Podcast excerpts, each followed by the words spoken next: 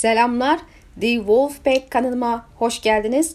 Sonunda sezon finali bölümü geldi ve birinci sezona veda ettik arkadaşlar. En az iki sene dizi görmeyeceğiz. Aksilik olmazsa 2024 yılının bilinmeyen bir döneminde ikinci sezon yayımlanacak. Senaryo çalışmaları çoktan başladı. İnşallah yapılan tüm eleştiri dikkate alarak daha gelişmiş ve iyi bir senaryo ile karşımıza çıkarlar. Açıkçası bittiği için de üzülmüyorum. Aksine mutlu oldum. Kitaplarımı özledim neticede. İlk iki bölüm evvelden sızmıştı biliyorsunuz. Sonra sızıntıyı kesmeyi başarmışlardı ya da öyle gözüküyordu. Ama iki gün öncesinden son bölüm gene sızdı. Bu sebeple erkenden izleme şansım oldu. İzlemeden evvel elbette çevir beklerken internette spoiler dolanmaya başlamıştı bile ve bir iki sahnenin kötülüğü sızınca bayağı bir gaza gelip tepki verdim. Hatta verdik. E, bölümün kalanının da aynı oranda tepki vermelik kötü olduğunu düşündüm. Ama izleyince abartıldığı kadar da olmadığını gördüm. Aksine gayet iyiydi. Yine de e, bu kabul edilemez hataları olmadığı manasına gelmiyor. Kimi, kimi iş, kişi için önemsiz de kabul edilebilir elbette ama bana göre olmaması gereken şeyler vardı böyle en azından şu ejderha kovalama sahnesi. Başlamadan önce dizinin gelecek sezonları ve kitapları hakkında bol spoiler içereceği konusunda genel bir uyarı daha yapayım. Eamon ve Luke'un sonu hariç dediğim gibi kovalamaca sahnesi gerçekten güzeldi. 6. 6. bölümde de söylemiştim. Çocukların sahnesi bana yetişkinlerin sahnelerinden daha ilgi çekici ve güzel geliyor. Onların hikayesi daha güzel. Keşke bu kovalamacıyı 1-2 dakika daha uzun ve daha gerilim dolu yapsalardı. Seyir keyfi çok güzeldi. Luke geldiğinde ejderhasının minicikliğini köşede dev dinozor gibi duran Vagar'ı görünce daha iyi gördük ki Luke için kabus gibi bir şeysi olmalı. En büyük düşmanı da fırtına burnunda olduğunu bilince. Arkadaşım kalabalığın içinde artistik yapınca tenhada yem oldu diye dalga geçti oğlanla. Hani son akşam yemeğinde yüzüne bakıp gülmesine kastederek. Vagar gerçekten çirkin bir ejderha ama açıkçası güzel olması da gerekmiyor. Onun güçlü ve korkutucu olması gerekiyor ve öyle de. Bu da onda sevdiğim bir şeye dönüşüyor. Yapımcıların bu konu, kararı yerinde olduğunu düşünüyorum. Muhtemelen dizideki Vagar tip olarak Beleron'dan daha dehşetli görünüyordur. Elbette önce Beleron'u da görmek lazım. Ee, erken konuşmuş da olabilirim. Damon'ın ejderhası karaksiz için de çirkin deniyor solucana benzediği için ama onun da güzel olması gerekmez zaten. Çünkü lakabı kan solucanı kitaplarda da güzel değildi. E, kısacası ejderhaların hep güzel ve e, estetik durması gerekmiyor. Aksine her birinin kişine göre görünmesi, farklılıklar olması bence genel olarak dizinin aldığı iyi bir karar. Keşke Ateşleri kitaptaki gibi farklı olsaydı. Aemond ve Luke arasında geçen o kısa çatışma anı sözlü ve Aemond'un safir gözünü gösterip gözünü ver bana borcunu ödediği ısrarcılığı güldürdü. Güzel sahneydi. Ya psikopat herif göze takmış. Travması var neticede. Kindar bir kişiliği var demiştim bir önceki bölümde. Ee, bir de Luke diyor e, savaşmaya gelmedim elçi olarak geldim. Annesi de üstünde basa basa yemin ettiriyor kapışmasın diye. Sanırsınız o sebeple kapışmadı karşı diye yorumlanacak dizide. E kılıç çekse ne olur? Abisinin yumruğu bile kıpırdatmıyordu Aemon'da. Bir itmesi yarım metre geriye uçuyordu 8. bölümde. Luke nasıl dirensen karşısında zaten. Dizide maalesef kardeşler kılıç dövüş konusunda çok yeteneksiz ve yetersiz gösteriliyor. Yani o yüzden böyle bir yorum yaptım. E, kitaplarda görüşmeler, safir göstermeler vesaire neredeyse birebir aslında aynı. Tabi bazı eksi sahneler de vardı dizide. Eamon tarafını hiç görmedik ilk geldiğinde ne görüştü etti diye mesela dizide. Görmek iyi olabilirdi. Siyah destekçisi Lord'ların öldüğünü bilen yok ki zaten ilk olarak Lord Bisbury ölmüştü. E, dizinin aksine sağda solda kelle olmadığı için kan döküldüğü de bilinmiyordu. Bu sebeple insanlar veraset sorununun barışçıl şekilde çözülebileceğini umut etmişti. Mevcut Lord Baratheon babasından farklı bir karaktere sahip olarak tanımlanır. Aemond oraya vardığında Lord onu şölen ve avlarla karşılar. Yeşillerin tarafını tutma konusundaki istekliliği bellidir. Dört kızım var seç birini der. Kimi seçti bilmiyoruz ama çeyiz gibi meselelerde pazarlık ettikten ertesi gün Luke gelir. Fırtınada ve o sırada toparlanıyordur, toplanıyordur gökyüzünde. Bu kapışmada genç ve süratte ejderhasının havada zor durmasına bu sebeple Vagar'dan kaçamamasına neden olacaktır. Ve bunun da sonu biliyoruz zaten. Dizide görüşmenin çoğunda sessiz kalsa da Aemond kitapta gelir gelmez strong diye laf atıp hakaretler ediyor. E, kraliçe mektupta ne yazmış bilinmez ama farklı tanıklar farklı şeyler söylüyor. Bir e, biri Lord'un karısı onu başka kadına yakalamış gibi utanıp kızardığını, bir başkası o an keyif aldığını çünkü iki tarafında onun desteğini istediği için gururlandığını ve orada olmayan mantar sarhoş olduğunu, yine orada olmayan Rahip Houston ise korktuğunu söylüyor. Benim kişisel fikrim muhtemelen gururlanmıştır. Yazılanları duyunca kaşlarını çatar ve annenin teklifini te- kabul edersem kızlarımdan hangisiyle evleneceksin der. Luke da aynı dizideki cevabı verir. Neticede durum dizidekine benzer şekilde devam eder ve Luke ayrılmak için döner. Arkasından olanlar da diziyle hemen hemen benzer. Benim dikkatimi çeken ayrıntı dizinin aksine Rhaenyra bir teklif göndermişi benziyor ama teklif ne de dediğim gibi bilemiyoruz. Luke orada mesela Joffrey'i öne sürerek teklif sunsaydı hem dizide hem kitapta iyi olabilirdi. Gerçi adam çoktan yeşillerle anlaşmıştı bile bir şeyi değiştirmezdi. Aemond oğlana saldırmaya çalışınca elbette Lord itiraz edip Luke'u bahçeye kadar götürmelerini söyler.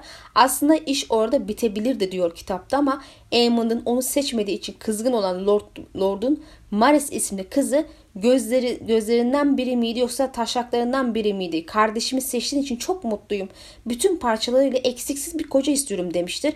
Ve bu da tabii ki Aemond'u iyice öfkelendirmiş, hıslandırmıştır. Bunun üstüne Luke'un peşine düşmüştür.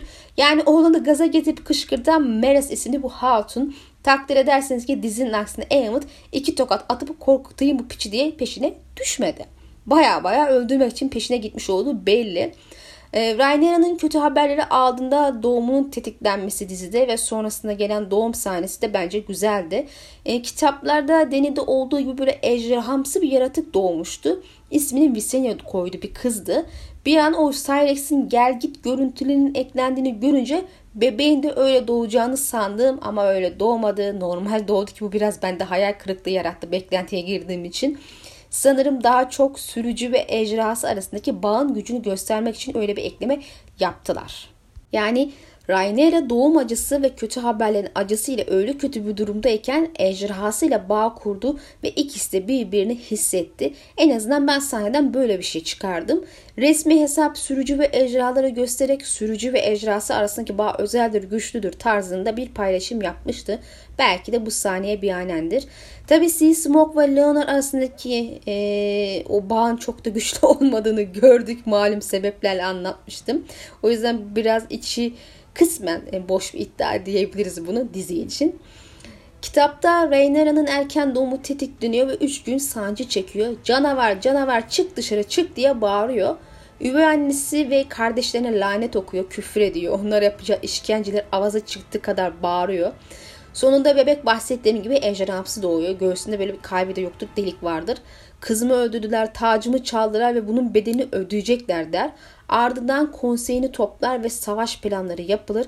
Küçük konsey üyelerine ek olarak savaş konseyinde böyle Darkling Messi gibi birkaç küçük sancaktarın lordları da vardır. Dizide olduğu gibi kitapta da üstün duran Aegon'dır. Lannis, Eskişehir ve Kral Toprakları gibi en zengin 3 şehri de elinde bulunduruyor. Ordusu da tabii ki daha büyük oluyor haliyle. E, siyahlar için en üstün kısım sadece ejderha fazlalığı ve Valerion donanmasıdır. Evet bir de elinde Daemon vardır. Sürücüsü olan ejderhalar ek olarak sürücüsü olmayan ejderhalar da e, ejderha kayısında meskendir. Rhaenys boşta olanlar için sürücü bulunmasını böylece kendilerinde 12 sayısına ulaşacağını söyler. Hani vahşiler dahil. Bu savaşı böyle kazanacaklardır. Dizideki kadına ne kadar farklı değil mi Rhaenys? E, benim savaşım değil ki başlatan ben olayım der mi? Mesela bu dizi kitaptaki demez. Gidip bizzat kendi yakacak başkenti neredeyse. Lord Celtigar'da şehri yakalım der. Deniz yanında biz şehri hükmetmek istiyoruz. Küre çevirmek değil der. Adam da o raddeye görmez. Gazeteci bizimle yüzleşmek zorunda kalacak diyerek bir çeşit şampiyon dövüşüne dönüşeceğini düşünüyor anladığım kadarıyla. Hani mevcut 9 tanesi ile 4'ünü ezeriz diyor. Prenses de yani siyah kraliçe de ne pahasına der. Üçünü benim oğlum sürecek hatırlatırım diyerek çocuklarını riske atmaktan çekiniyor.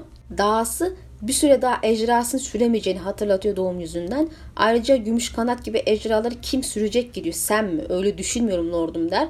E, gerçekte 5'e karşı 4 olacaklarını söylüyor ve o dörtlüden biri de Vagar'dır. Bir üstünlük söz konusu değiller. Haklı da. Damon da Rhaenyra ile hemfikirdi. Daha temkinli kitapta. Ejderha avcısı olmak kolay değil ama ejderha ejderhayı öldürebilir ve mecbur kalmadıkça onları Gasron'un karşısına çıkarmak niyetinde değilim. Onları kullanmanın başka yolları da var. Daha iyi yolları der. Savaşmadan önce bu mücadele kelimelerle olmalı der. Bu yüzden güçlü azam lordlarını yanlarına çekmeleri gerektiğini ifade eder. Rey'nin saf saf baratyonların yanlarında olacağını söylüyor. Ama öyle olmadığını biliyoruz. Daemon Harrenhal'u nehir topraklarındaki üs yapmaya karar verir. Ejderhasıyla oraya ele geçirmek için gider. Velaryon donanması boğazı kapatacak dizideki gibi yani. Kral topraklarına gidiş geliş engelleyecektir. Rhaenys donanmayı korumak için donanmanın tepesine uçacaktır. Sadakat mesajları içeren kuzgunlar gönderilme kararı verildiğinde büyük olan Jess biz götürelim der. Amcam bize stronglar diyor ama ejderha sırtında bizi gören lordlar bunun yalan olduğunu görecekler. Çünkü sadece Targaryenler ejderhaya binebilir ve annesi kabul eder. Dizideki gibi elçi olarak gidiyorsunuz. Şövalye olarak değil diyerek kitaba el bastırır annesi. C'si de e, vadi ve kuzeye gönderme sebebi daha uzun bir yol olması dolayısıyla C'sin büyük erkek olarak bu işi daha iyi yapacağı. E, fırtına bunu da daha kısa bir yoldu ve Lord'un onu iyi karşı, karşılayacağını düşündüğünden Luke'u gönderdi ama tabii ki tam tersi oldu. 9. bölüm Yeşil Konsey'in eylemleri üzerine odaklıydı ama 10. bölümde Siyah Kraliçe olarak siyahların eylemleri üzerine odaklanılmıştı. İki bölümde de iki taraftan iki karakter göründü. Dikkatinizi çektiyse eğer. Yeşillerin bölümünde Beastbury ve Rhaenys vardı siyahlardan. E, siyahlar bölümünde de Otto ve Aemond vardı. Hani kasıtlı bir tercih mi bilmem ama hoş bir ayrıntı. Gerçi hani 9. bölümde siyah destekçisi lordlar da vardı ama 10. bölümde de Lord Baratheon vesaire vardı. Hani onları saymıyorum artık. İki bölümde zaten kardeş bölüm olarak tasarlanmış en başından beri. Yani iki ayrı tarafın farklı bakış açısıyla hani Viserys'in ölümüne verdiği tepkiyi göstermişler. Arkasına gelen eylemleri. Ayrıca Otto ile Ejderha Yolu sahnesi ikinci bölümdeki sahnenin paraleli olmuş oldu. Bu da hoş bir ayrıntı denebilir. Hani tarih tekrar etmiş gibi. Kitapta tabii ki Otto alık değil. Tabii ki de o gelmiyor. Büyük üstad gönderiliyor. Rhaenyra taş giydikten sonra alayını hain ilan ediyor ama küçük erkek kardeşleri ve kız kardeşi diz çökerse affedeceğini söylüyor. Aegon bunu duyunca tabii ki de kızıyor. Asmaktan kesmekten bahsediyor ama büyük üstad da beni ona gönder davasını umutsuz olduğuna gösterelim. Dostane bir anlaşma sağlayabiliriz diyor. Aegon gönülsüz de olsa annesi ve karısının desteklemesiyle kabul ediyor. Dizdeki şartlar sunuluyor ve kraliçe Kral kimi var seçti diye soruyordu. Siz diye cevabı veriyor büyük üstad. Öyleyse neden kardeşime destek çıkıyorsunuz dediğinde de 101 Büyük Konsey ve Anda kanunundan dem vurduğu yahut kekeleyip altına işlediğine dair iki ayrı anlatım veriliyor. Muhtemelen ilk anlatım gerçekleşmiştir. Çünkü bu karşılığın geleceğini düşünerek gitmiş olması daha mantıklı. Rhaenyra da dizide Otto'ya yaptığını kitapta büyük üstada yapıyor. Diz üstüne çöktürüyor. Makam zinciri ondan alınıyor ve kendi üstadına takıyor. Sen büyük üstad değilsin. Büyük üstadlar yasayı bilmeli ve ona hizmet etmeli. Taktığın zincire utanç ve şerefsizlik getiriyorsun. Kardeşime söyle tahtımı geri alacağım. Alamazsam onun kellesini alacağım der.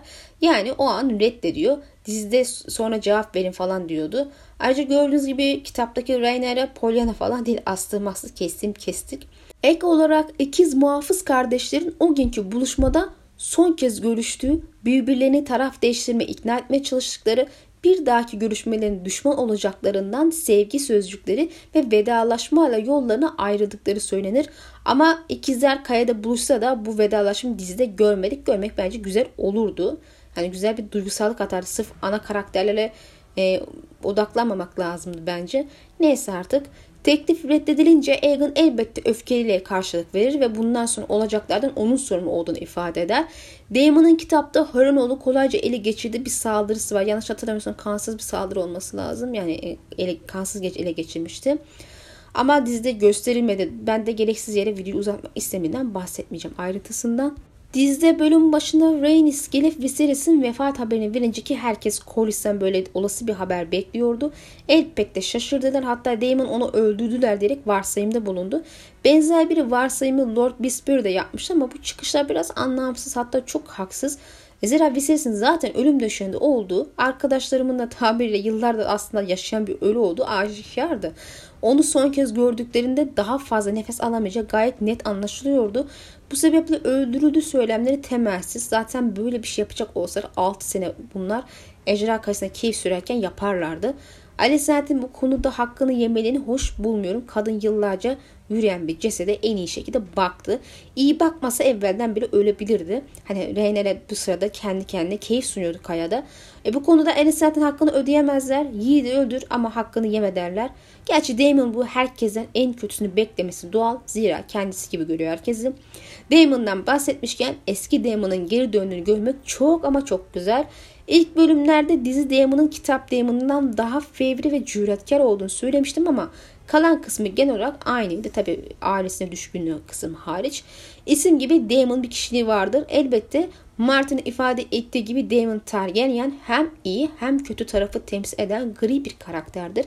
Bu sebeple iyi eylemler bekleyebileceğiniz gibi çok leş eylemler de bekleyebilirsiniz kendisinden ama bence iyi bir baba, eş, koca değildir ki senaristlerden Sarah Hess'in de vurgusunu yaptığı bir şeydir. Kendisi onun ideal sevgili gibi görünmesi biraz tepki vermişti geçenlerde sanırsam. Kadın çok haksız değil ama bu Bence biraz da onun senaryoda ilk birkaç bölümden sonra yumuşatılmasından kaynaklı. E, Leonor'un hayatını bağışlamasını hala aşamıyorum. Biraz da seyircilerin bir kısmının onun kötü yüzüne değil de iyi yüzüne odaklanmasından kaynaklı. Bu ikinci kısım daha çok Damon ve Rhaenyra'yı çift olarak beğenen tayfanın kendi kendine yarattığı yanılsamanın sonucu. Doğal olarak Damon'ın Rhaenyra'nın gırtlağına sarıldığında öfkelendiler ve ağır eleştiri yaptılar. Damon'ın karısını öldürdüğünü çabuk unutma eğilimdeydiler. Aa ama Rhaenyra'yı seviyor. Kitaptaki sevmiyordu ama dizide de bir şey var evet. Yine de bu Damon'ın Damon'lık yapmasına asla engel olmaz. Rhaenyra yapmasın kime yaparsan yapsın kafası da bence biraz sakat bir şey düşünce. Ben iki taraftan Daemon ve Aemon'u çok severim. Ee, ve onları oldukları gibi gri halleriyle tüm o leş eylemleri severim. Tabi olarak bir yumuşatma yönü senaryo değişikliğine gidildiğinde ben hoşlanmıyorum. Hani kimisi yapılan leş eylemi aklama derdine düşer. Benim gibiler de niye o leş eylemi yumuşattınız, değiştirdiniz diye senaristlere öfke kusar. Yıllardır savunurum. Karakterleri seveceksiniz. Olduğu gibi sevin kardeşim. Tüm o kötü huy ve eylemleriyle. Onları görmezden geliyor. Aklama derdine düşüyorsanız gerçekten kafanızda bir yanılsama seviyorsunuzdur. Yani kafada başka bir karakter yaratmışsınızdır. Bir hayran hikayesi karakteri. Onu savunuyorsunuzdur. İşte misal Sansa'nın Maika meselesi ve Cersei ötme meselesi aşırı aklama çabasına maruz kalır. Buna ne gerek var? O kızı o şekilde kabul edin. İşte öyle o güzel bir karakter Sansa. Efendim Stannis Şirin'i yaktı. Doğru yaktı yakacak. Öyle sev bu karakteri böyle güzel ne var yani? Yuran şucu bucu öyle evet böyle sev.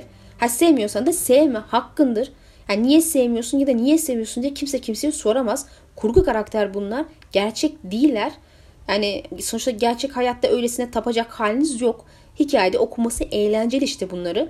Okuması, izlemesi keyifli olmadı ki hikayeyi sevelim değil mi? Neyse Asyof kamu spotumu da yaptıktan sonra devam edeyim. Damon sonunda tekrar üzerine dönerek karanlık yüzünü gösterdi Rhaenyra'ya yani bizlere. Haberleri duyunca zaten delirmişti. Yeşillerin bunca yıldır arzuladığı demir tahtı gasp etmiş olmalarını elbette yediremedi. Rhaenyra savaş istemese bile onu o savaşı zoraki olarak sokar bu adam. Yılların hıncı, hırsı vesaire var neticede. Bu sebeple Rhaenyra diyarı bölmem, ilk hamleyi yapmam, kehanet vesaire cahcut deyince değil mi senin kehanetinde başlarım, diyarına da başlayıp diye yapıştı kızın gırtlağına. Yani aslında Damon normal şartlarda yapmazdı da sinir katsayısı fazla doldu. Kadına patladı gibi.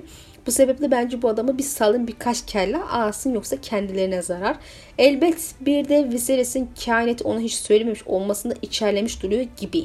Ama bilseydi de Daemon bunu umursayacak, sorumluluğunu alacak biri bence değil. Zaten bu bile Viserys'in neden söylemediğini gösteriyor. E bir de dahası zaten hani varisten varise söylenmiyor mu? Kral varisine söyle. Daemon ha doğru Daemon bir ara varisiydi bunun değil mi? Söylemedi ama. Doğru doğru tamam bu yüzden uyuz olmuştur. E, Rhaenyra'nın derdi de galiba sıcak bir savaş çıkmadan tatlı bir şekilde almaya çalışmak. Hani müttefiklerinin caydırıcılığı sayesinde. Hani gerçekçi olursa iki tarafta gerçekten sıcak savaş başlamadan bu işi çözmek istiyor. E, kitapta da aslında işin baş, barışçıl şekilde çözüleceğini umanlar var demiştim. Hani iki tarafta böyle çok ilk kanı ben dökmeyeyim mantığında. Tabi bu şekilde nereye kadar gider o da ayrı bir mesele. E, diğer yandan ilk kanı döken genelde zaten siyasi, psikolojik olarak vesaire haksız konu düşme eğilimindedir. Yani davada haklı dahi olsa eksi puan geride başlar. Dahası savaş başlatmadan evvel yanında savaşacak kim var kim yok onu da görmesi lazım insanların. Hani dizdeki sahnede Rainer'ın söylediği gibi. Yani savaşacak adam yoksa nasıl savaşsın? Sırf ejderha ile olacak bir şey değil. Ejderha sadece yakar yıkar ama ele geçirmek için orduya ihtiyacım var. Siyahların yanında işte 300 tane asker dışında pek bir şey yok ilk aşama. Aileyle bu anlaşılabilir ve akıllıca bir hamle diye düşünüyorum. Tedbirli olmak iyidir. Ama tabii şöyle bir durum var. Egan tahtı her şekilde gasp etmiş durumda. Otto'nun da ifade ettiği gibi hükümdarlık nişanları zaten onda. Kılıç, taç, tat, inancın kutsaması hatta ismi dahası o bir erkek. Psikolojik olarak Aegon fazlasıyla üstün durumda. Ejderhası açısından zayıf kaçsa bile. Yani sonuçta Stannis de davasında haklıydı ama neticede üstünlük Lannister tarafındaydı. Tahtta oturamadı. E siyahlardan bir iki kişi zaten gitti bile. Yani dökülen kan döküldü ama doğrudan kendi ailesinden birinin ölmesi de kastetmiyordu herhalde. Yani haliyle ilk kanı dökmek istemesen bile yapılacak tek hamle müttefik arayışı olmamalı. Ve e, bu şekilde hani barışçıl şekilde halletmeye çalışmak hani e, ilk kanı dökmeyeyim falan düşüncesi. Aegon zaten tahtta otururken e, onun lehine oluyor. Rhaenyra'nın lehine olmuyor bence. Otto ayağına kadar gelmişken bence onu esir almaları daha akıllıca olurdu. Psikolojik üstünlük elde ederdi. En azından kısmen. Adam konuk olarak gelmiş değil. Hain ilan edip hain gördüğüm bir insanın ayağına kadar gelmesi yeşillerin üstünü, yeşilleri üstünü kurmak için iyi bir hamle olabilir. Hani kıymetli tutsak faydalı da sonuçta kraliçenin babası ve kralın dedesi. Elbet bunu da onun şeref şu bu falan diye yapılmaması savunulabilir. Ama baştan sona zayıf konumda olan, tahtı gasp edilmiş o konumda olan, dahası red cevabı verildiğinde tepelerine çökeceği bilinen kişilere karşı tedbir hamlesi yapmamak da aptalcadır. Hani öyle değil mi? İtaat etmeyeceğim, hakkımı savunacağım dediğinde ne olacaktı? Gelecek saldıracaklar bir şekilde. Ya da işte spoiler gene vereceğiz ama hani suikast için adam gönderecek. Niye köşeye sıkıştırıyorsunuz ki kendinizi bu şekilde? Gidin soykırım yapın diyen yok ama hayatta kalmak istiyorsan gelen elçiyi esir alacak kadar da azıcık şerefinizi lekeyin lekeleyin. Eğer ben o şeref lekelemek gibi görüyorsanız. Azıcıktan bir şey olmaz. Neticede hani Aegon tarafı da gasp ederek şereflerinin lekelenmesini umursamadı. Hani Ned Stark'la karşısında çok şerefli tipler varmış gibi davrandı ama o da oğlu da öldürüldü. Azıcık kurnaz gözü açık olup hani şerif konusunda aşırı katı eğilmez bir tutum sergilenmeseydi iyi olurdu bence. Elbette kimse şerefsiz olun demiyoruz o kadar da değil. İnsan e, sonra kendine öz saygısını yitirir. Ama bu kadar basit bir şey, şeyi de yapın yani kurnaz olun siyaset bilin. Ben hala Rhaenyra'dan iyi bir hükümdar olacağını düşünmüyorum. Babasının kızı olmuş zaten bu dizide. Kitapta da fark etmiyor gerçi. Onda da kötü bence. Kim ne derse desin yani. Ha elbette barış döneminde sorunsuz yönetir. Viserys de yönetti. Ama iş sınanmaya geldiğinde sıkışıp doğru hamlelere yapma konusunda bocalayan cinsten Rhaenyra. Viserys arkasında dansı minas bırakıp gitti misal. Prenses oğlu Luke'u babam öğretti yönetmeyi bana vesaire dedi ama e, ama açıkçası bu konuda da bize bir dizide bir şey gösterilmedi. Yani iddiasını destekleyecek bir eylem görmedik. Game of Thrones'ta da böyle e, boş e, sözler vardı. Altı dondurulmamış. Daha önceki bölümlerde bahsetmiştim. Bu da benim için yetersiz biri olduğunu gösteriyor Rhaenyra'nın. Zira Weymouth makasını nasıl bocaladığını da gördük. Ot da gelmiş ayağına bu konuda da bocaladı bence. İlla oğlun ölünce mi savaşacaksın? Öyle işte geçmiş olsun. Hani on, onun ölümünden sonra da hani dünyayı daha farklı görmeye başladı diyor oyuncu. Bundan sonra herhalde cozutup sağa sola saldıracak ablam. Rhaenyra ikiz kral muhafızanın Erik tarafından tacın getirilmesi ve onun başına Daemon'ın takması, hepsinin diz çökmesi falan da güzel bir sahneydi. Evet Rhaenyra'nın diz çökmemesi gözümüzden kaçmadı. E, kadın hiç olmayan kraliçe kimseye diz çökmem kafasında. Malum sebeplerle Aegon'un taç giyme töreninden, törene nazan tabii ki de birazcık sönük oldu ama şartlar bunu gerektiriyor.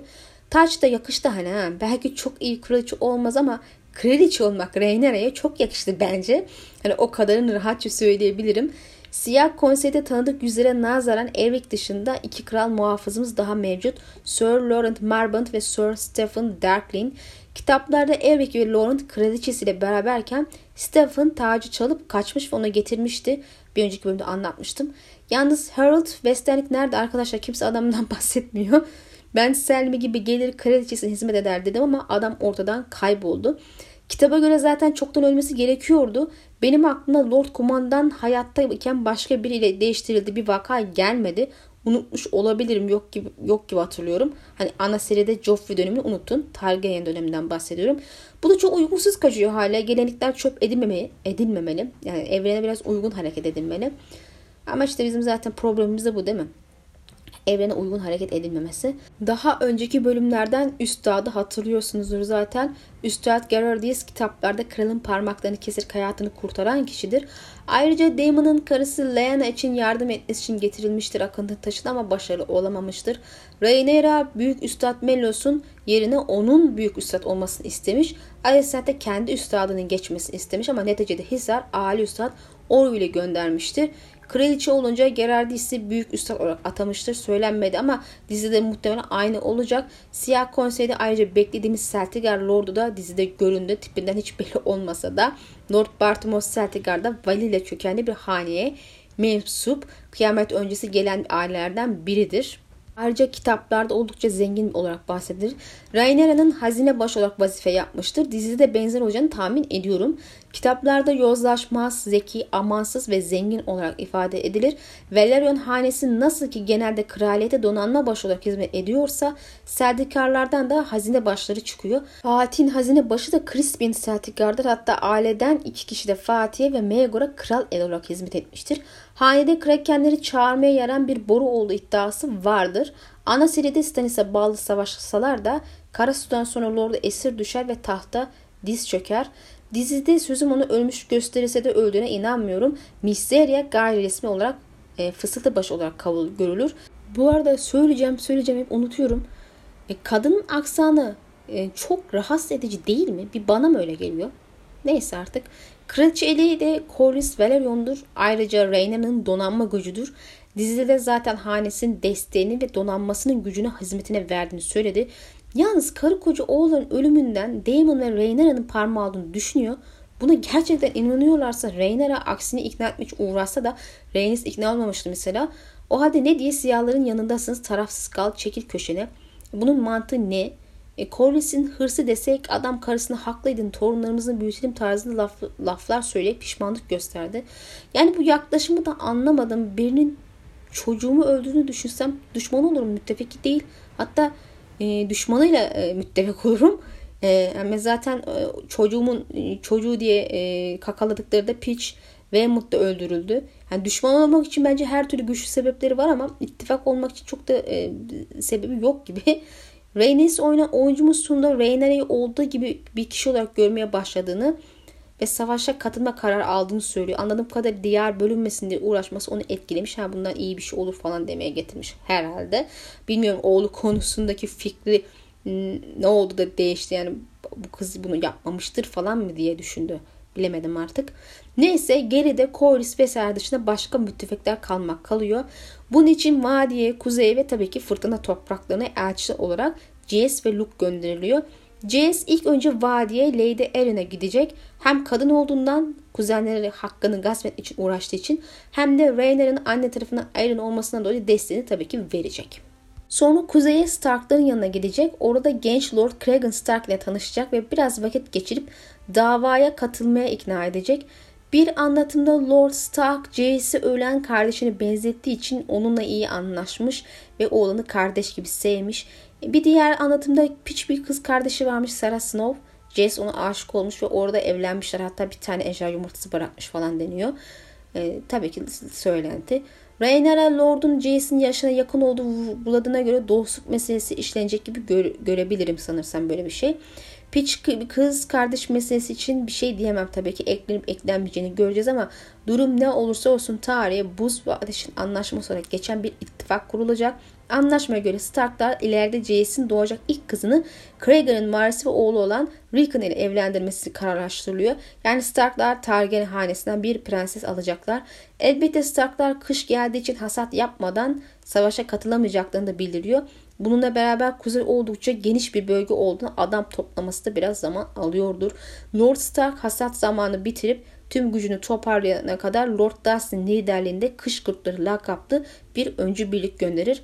Güçlerini Nehir Ova'da siyahların destekleyen Nehir Lord'u ile birleştirir. İleride Cole ile karşı karşıya gelecekler. Spoiler ve Cole'un ölümünü on, ölümü onların elinden olacak. Rhaenyra ve Jace öldüğü için Prenses Gülsüzü asla yerine gelmeyecek olsa da Lord Stark sözünü yine de tutup ordusuyla güneye inmiş ve Siyah Kraliçenin intikamını almaya istemiştir. Tabi bir kurt saati vakası gerçekleşiyor sonra. İnşallah Cregan için doğru bir oyuncu seçerler. Rol muamma olsa da Henry Cavill ile görüşülüyor diye söylenti çıkmıştı ondan iyi bir Lord Stark olurdu. Yani, yani tipi mipi falan karizma olarak uygun. Gerçi dizideki genç gösterecek. E, Henry o kadar genç durmuyor. Jason yaşına yakın durmuyor en azından ama neyse yapacak bir şey yok artık. E, düzgün birini bulsunlar da böyle ef püf böyle ezik bir tip bulmasalar bari. Dans için en çok beklediğim olaylardan biri de dansın bitmesine sebep olan kurt saati çünkü. Çok karizmatik bir oyuncu gerekir Lord Stark için. Adam akıllı düzgünce yansıtırlar umarım. Diğer şeyler gibi ellerine yüzlerine bulaştırırlarsa affedilemez artık. Zira dansın dediğim gibi en önemli olaylarından biri. Damon ve Yaşlı Kral Jaehaerys'in ejderhası Vermitor sahnesinin amacını anlayamadım arkadaşlar. Ne yapmaya çalışıyor şimdi anlayan bana da söylesin. Valeria dilinde şarkı güzeldi de yanaşıp eni uzattığını gördüm. Böyle ejderha gözünden yansıdı. Onu sahiplenmeye mi çalışıyordu? Bu evren için pek mümkün değil çünkü herkes sadece bir tek ejderha sürebilir. Dahası bu ejderha ileride ejderha döllerinden Hook Hammer'a gidecek. Önemli rolü de var hani. Bu durumda bu karakter olmayacak mı eğer ejderhayı sahiplendiyse Damon? Bu hatayı yapmamalarını umut ederim. Bu arada tasviri kitaplar içinde yapılan resmine benziyor gibi güzel. Yani benim için en çirkin ejderha oydu kitaplarda. Böyle sakha gibi yanlarından bir şeyler çıkıyordu. Dizide de çıkıyor ama kitap için yapılan tasvir kadar da çirkin gözükmüyor tabii ki. Luke dizide siyah kraliçenin en sevdiğim çocuğu. Joff da tatlı duruyor ama daha pek görmedik kendisi bir kelamı yok çocuğun. Jess hala sevilmelik gelmiyor bana. Kitaplarda ise aksine sevmiştim. Şu salak saçını değiştirse de iyi olurdu. Leonor sonrası gördüğüm en kötü peruk. Ayrıca daha becerikli olarak resmedilebilirdi. Kitapta öyle bence. E, Luke'un Lord Baratheon ile görüşmesi tamamen tatmin edici sayılmazdı benim için. Yani kötü de değil de daha iyi olabilirdi. Çok hoş bazı noktalar vardı bahsetmiştim kısa kestiler. Öncesinden bahsettiğim o ayrıntıya yani kızın sahnesi olması gerekirdi. Yani Lord Boros'un okuma yazma bilmediğini de gördük. Aslında orta çağda soyu da olursa bazı kişilerin gerçekten okuma yazması yoktu. E, kitaplarda da zaten buna işaret edecek sahneler vardı ki Ateş ve Kan kitabında da okuma yazma bilmiyor bu Lord. Sahneler neredeyse birebir işlenmiş zaten demiştim. Sadece bir iki eksik kısım var. Bu sebeple böyle ayrıntılı eklenmesi yani böyle bir ayrıntı eklenmesi hoş olmuş. Lord'un oğluna söylediği sözler haksız değildi. Yani yeminlerini hatırlatmakla mı oluyor bu işler? Yani geçti Bolu pazarı sür eşeğini Niğde'ye durumu şu an. E, Ryan'a bu kadarını düşünemiyor. Saçma sapan ben meşgul edeceğinizin bana yemin ettiniz onu hatırlayın yanımda durun demek dışında bir teklif götürmüyor çocuk. Bu biraz da Stannis'in yaptığı bir şeydi. Kimse iplemedi onu. Zaten Rhaenyra ve Stannis'in bazı benzer noktaları da var kanımca. Lord Stark bile kız ver senin için savaşayım dedi. Yani ne bekliyorsunuz hala? O dönemler ittifaklar evlilikle kuruluyor. Ned boş yere mi gitti abisinin nişanlısı evlendi. Evet Luke nişanlı ama Joffrey değil. Dört kızı var. Alın en gencin nişanlıyız Joffrey ile. Kate bile ikizlerden geçmek için Rob ve Arya'yı Freyler'e nişanlamıştı.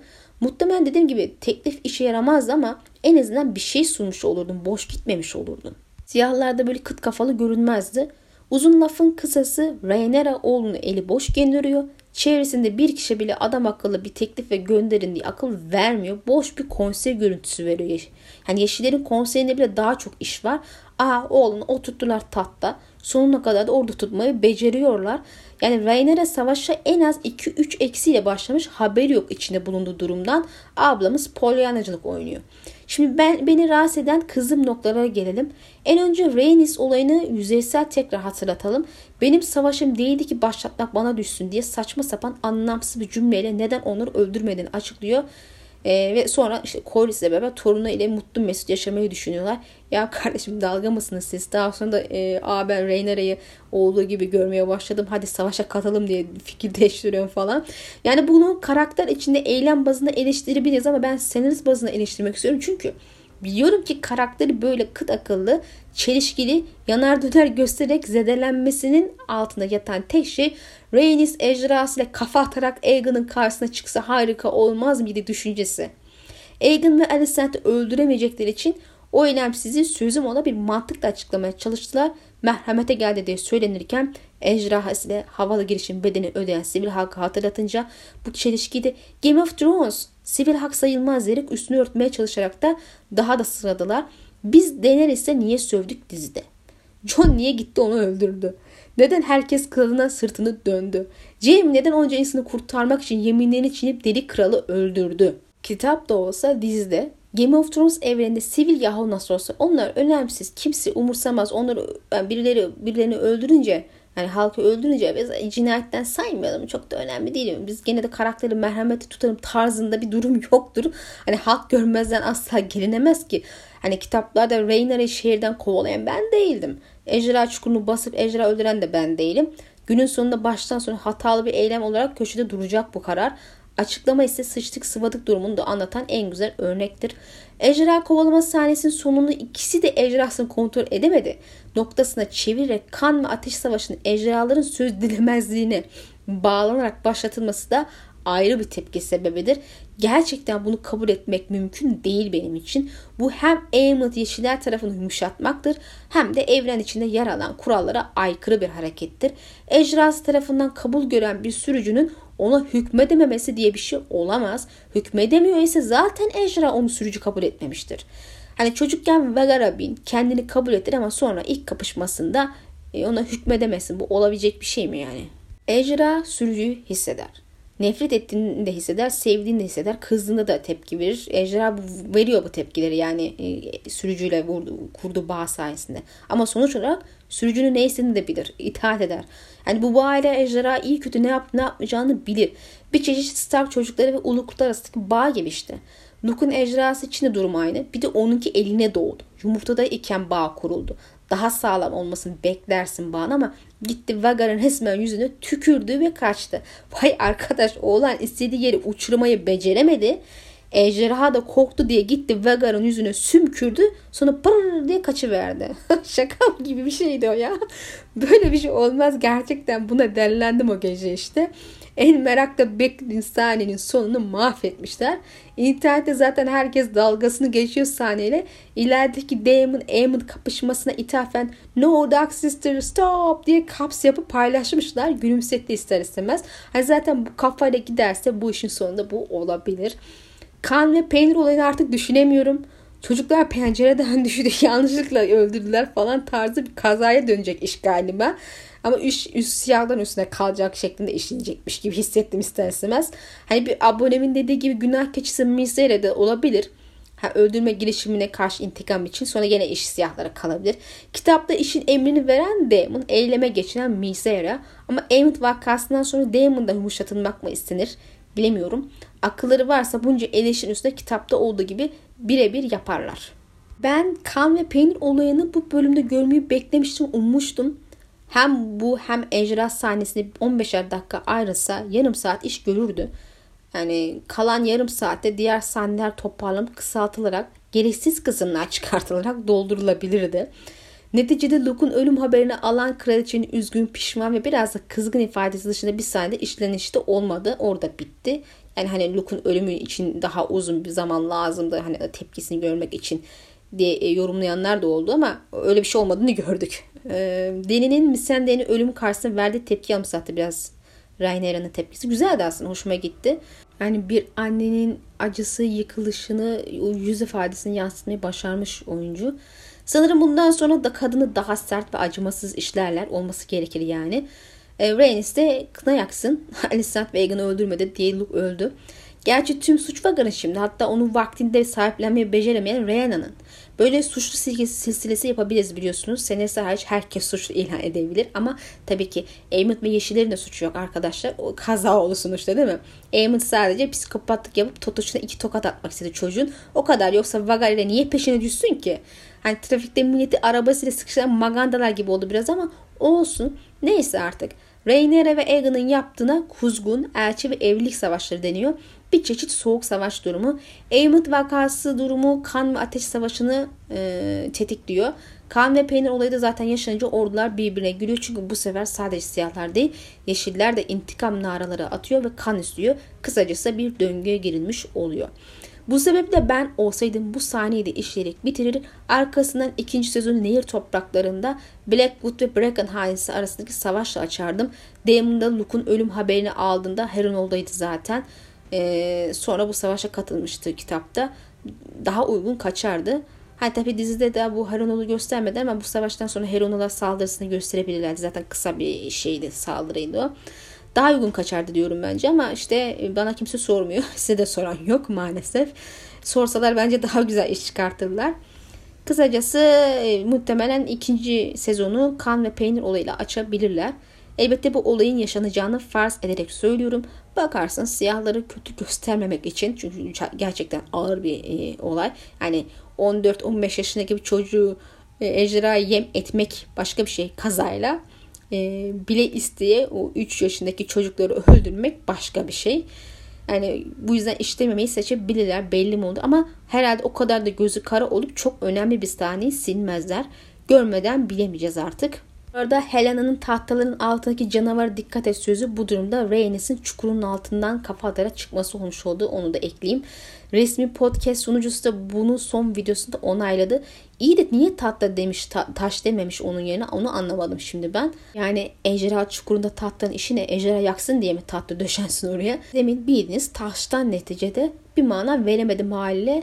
Hani e, ha, board kelimesinin başka bir manası varsa da orayı bilemiyorum. Sonuçta ana dilimde çok bilgi sahibi değilim İngilizce'de. Aslında senaryo bazında bu kapışma ve Rhaenys meselesi dışında eleştirdiğim çok da bir şey yok dizide. Yani son bölümde. Hani o da kısmı daha çok karakter eğilim bazını eleştirdim. Yani karakterin saçma bir eğilimi olarak. Burada sadece Rhaenyra'yı neden bu kadar Polyan'a yaptıklarını sorup kızabilirim o kadar. Bahsedeceğim mesele doğrudan bu bölümden değil daha evvel bahsettiğim bir durum. Yani sezon filmini yaptık ve Daeron karakterinden hala bahsedilmedi. Bu da benim için şu fikri doğurdu. Daeron kesinlikle birinci sezon yazılırken düşünülmemiş, eklenmemiş, eklenmeme kararı alınmış. Zaten 5 bölümdür adının dahi geçmemesi Daeron'un küçük çocuk sendromunun kurbanı olduğunu gösteriyor.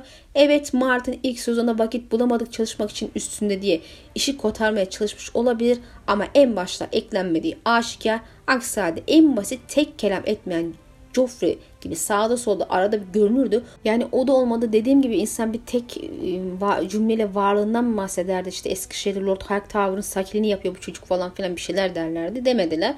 Hani sanırım sonradan eklenmesi için ikna etmeyi başardı yazar. O yüzden böyle bir açıklama yaptı diye düşünüyorum. Tabii kesin olarak bir şey diyemeyiz. Sonuçta orada değiliz. En azından yaptıkları hatadan dönüyorlar. Bu da iyi. Ama en baştan bu hata yaptıkları için ikinci sezonu sürpriz yumurta olacak bu çocuk. Hani bu kaçıncı sürpriz yumurta dizide? Hani Game of Thrones'ta bile bu yoktu. İkizleri görmemize rağmen Maelor'da görmedik e, üçüncü çocuğu. Ama onun da gene hani dizi açılışında böyle üç tane kan çizgisinden e, ayrılmış halde gözüküyor. Yani herhalde o da aynı Devron gibi sonradan eklendi. Yani bilemiyorum artık. Ama en azından onu da göreceğiz belli ki. Yani 3 tane çizgi olduğuna göre. Peynir için gözükmesi lazım zaten. Son eleştirimde Seltigar Lord'un işte Valerialı gibi görünmemesi. Saçları ağarmış alalade bir Lord. Belki anda belki ilk insanlardan gibi gözüküyor. Elbette yapımcılar Valerialı diye ifade etmiştir. Yanlış hatırlamıyorsam eğer. Hani Corlys'in Daemon ile basamak taşı savaşı da ikimizin hanesi son Valerya falan derken Seltigar'ı küçük olduğu için pek dikkate almıyor şeklinde yorumlamışlardı. Senaryo yazarken Celtic'leri unuttukları için değil yani öyle mi diye düşündüm haliyle. E şu an pek inandırıcı gelmedi. Özellikle adamın tip olarak Valeria'ya benzemediğini düşününce. Valerionların en azından saçları benziyor. Bunda hiçbir şey yok. Bu Valerialı olma meselesini iyice ayaklar altına aldılar hanımca. Ejderhaları olmasa bile görünüşleri diğerlerinden farklılık ve üstünlük vesilesi ama dizide o da hiç edildi artık. Genel olarak dizi kötü müydü peki? Sezonu böyle değerlendirirsek hayır aslında gayet de iyiydi. Ama harika, muazzam, muha mütteşem bir şeydi. Huf üf püf falan diyemem. Çok fazla hata ve evrene ters işlenmiş birçok şey vardı.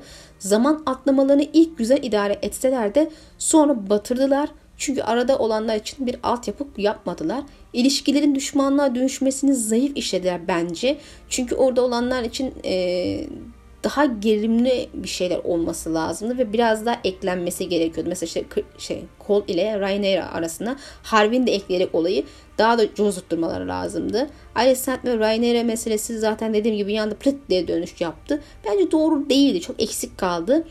Tüm bu eleştirileri senaryo geliştirmek için kullanacaktını umut ederim. Ama tabii benim videolarımı izleyen yok onlar arasında. Ama en azından hani sağda solda illaki bahseden insanlar var bunu internette falan. Onlar da onları görüp artık bir şeyler yaparlar herhalde diye umut ediyorum. Oyuncuların performansı, kostüm, efektler genel olarak güzeldi. Ve burası Game of Thrones evrenini size ilk bölümden hatta ilk sahneden itibaren verdiler. Sembol kullanımları bence güzeldi. 10 üstünden en az 7 veririm. Dizi tüm hatalarına rağmen ilk sezonda bence başarılı bir giriş yapmış görünüyor. En azından Yüzüklerin Efendisi'nden kesinlikle kat kat daha iyi. Ama 10 bölüm boyunca bahsettiğimiz olumsuzluklar devam ederse sonu da Game of Thrones gibi olur arkadaşlar. 10 haftalık dizi maratonunda yanımda olup bıkmadan usanmadan arada belki zor beğendiğim için bana kızsanız da beni dinlediğiniz için çok teşekkür ederim. 10 hafta böyle bir anda geçti gitti sanki değil mi? Bundan sonra artık kitaplara dönüş yaparak Asoyev evrenine devam edeceğiz inşallah. Elbette bundan evvel iki haftalık bir tatil yapıp dinlenmek istiyorum yüksek müsaadenizle. Yeni videolar aksilik olmazsa inşallah Kasım'ın 20'sinden itibaren pazar günleri gelecek. Yani kendi gününde gelmeye devam edecek. Görüşmek dileğiyle Allah'a emanet olun.